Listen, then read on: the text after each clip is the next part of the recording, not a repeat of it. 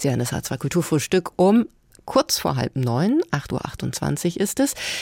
Der Knacks ist trotz des komischen, etwas umgangssprachlich anmutenden Titels Roger Willemsens komplexestes Buch. Hier steckt alles drin, was ihn im Leben bewegte, praktisch und theoretisch. Posthum erscheint nun eine Aufnahme von der Lit Cologne als Hörbuch, die Ulrich Sonnenschein uns vorstellt. Alle, die einmal dabei waren, wissen, es war immer etwas Besonderes, Roger Willemsen live zu erleben. Und all denen, die dem Verlag vorwerfen möchten, noch aus den letzten Aufnahmen Kapital schlagen zu wollen, möchte ich entgegenhalten, dass es nicht genug Hörbücher geben kann, in denen Roger Willemsen seine Texte selbst interpretiert. Dabei ist der Knacks wahrscheinlich der schwierigste. Denn hier geht es um den Moment, in dem nichts mehr so ist wie vorher und das eigene Leben eine neue Richtung einschlägt. Mein Vater starb letzten August. Das ist jetzt bald 40 Jahre her.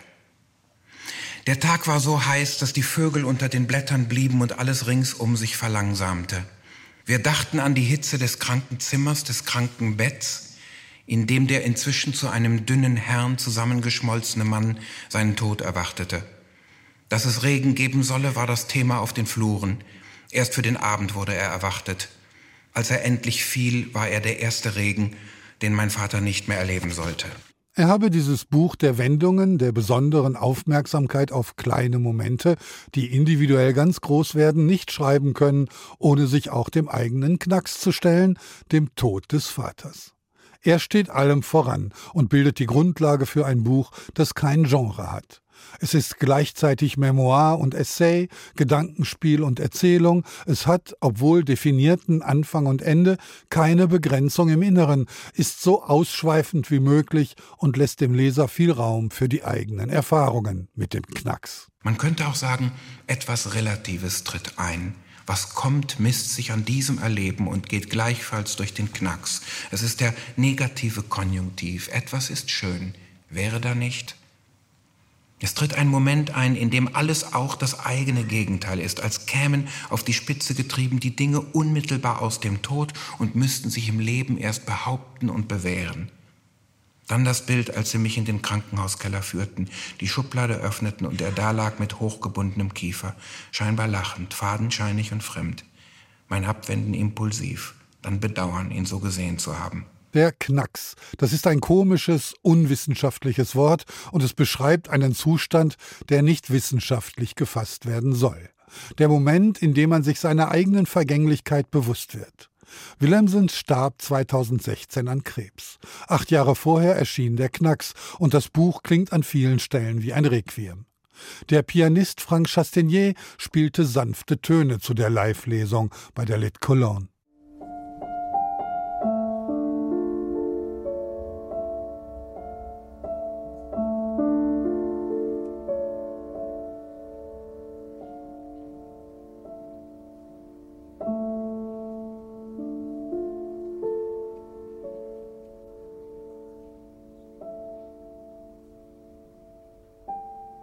Roger Willemsen ging als Germanist und Kunsthistoriker zum Fernsehen. Das ist nichts Besonderes. Dieses aber auf der Höhe seines Erfolges wieder zu verlassen, um anspruchsvolle Bücher zu schreiben, schon.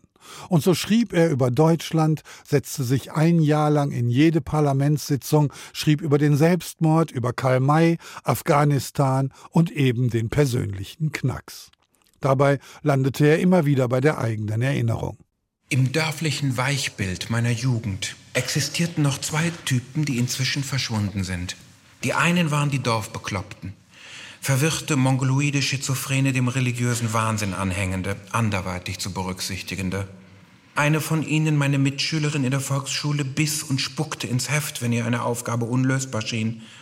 Ein anderer, sechs Körperjahre älter als wir, doch mit dem Gemüt eines Kindes, pflegte sich zu verabschieden mit den Worten, auf Wiedersehen, hübscher Herr Lehrer. Einen schönen Gruß auch an deine Mutter. Dieses Hörbuch bildet nur einen kleinen Ausschnitt aus dem großen Essay der Knacks ab. Die vielen Facetten, die vielen kleinen Fragmente finden sich nur in der gedruckten Version.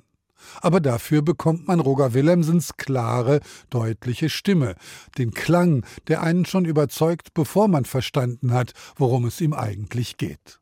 Man geht in Verhältnisse, gleich welche Verhältnisse, so lange hinein, wie sie Ja sagen. Angezogen von jenem Moment, in dem sie ins Nein umschlagen. Nein, sondern in dem das Ja verblichen, unfühlbar geworden ist. Und dann hält dieses Hörbuch noch eine kleine Überraschung bereit. Ganz am Schluss tritt Roger Willemsen aus der Rolle des Autors heraus und erklärt uns sein eigenes Buch. Ganz kurz nur, aber doch erhellend. Das Buch ist ein großer Essay, zusammengesetzt aus Fragmenten. Es erzählt, es drückt aus, manchmal komponiert es gar, manchmal ist es nur impressionistisch. Es enthält eine ganze Reihe von Reisebildern und von Möglichkeiten, in der Fremde einsam zu werden. Es enthält viele Dialoge und es versucht in lauter einzelnen Splittern dieses Phänomen, das das Phänomen des Knacks ist, ähm, zu umreißen. Natürlich ist es ein melancholisches Buch. Es ist ein Buch, das über Vergänglichkeit nachdenkt nachdenkt, über Zeitlichkeit. Insofern ist es über größte Teile auch ein sehr ernstes Buch. Roger Willemsen liest Der Knacks, ein Live-Mitschnitt von der Lit Cologne mit Musik von Frank Chastinier. Die CD mit einer Laufzeit von 78 Minuten erscheint bei Rove Music. Ulrich Sonnenschein hat sie uns vorgestellt. Neue Bücher in HR2 Kultur. Weitere Rezensionen auf hr2.de.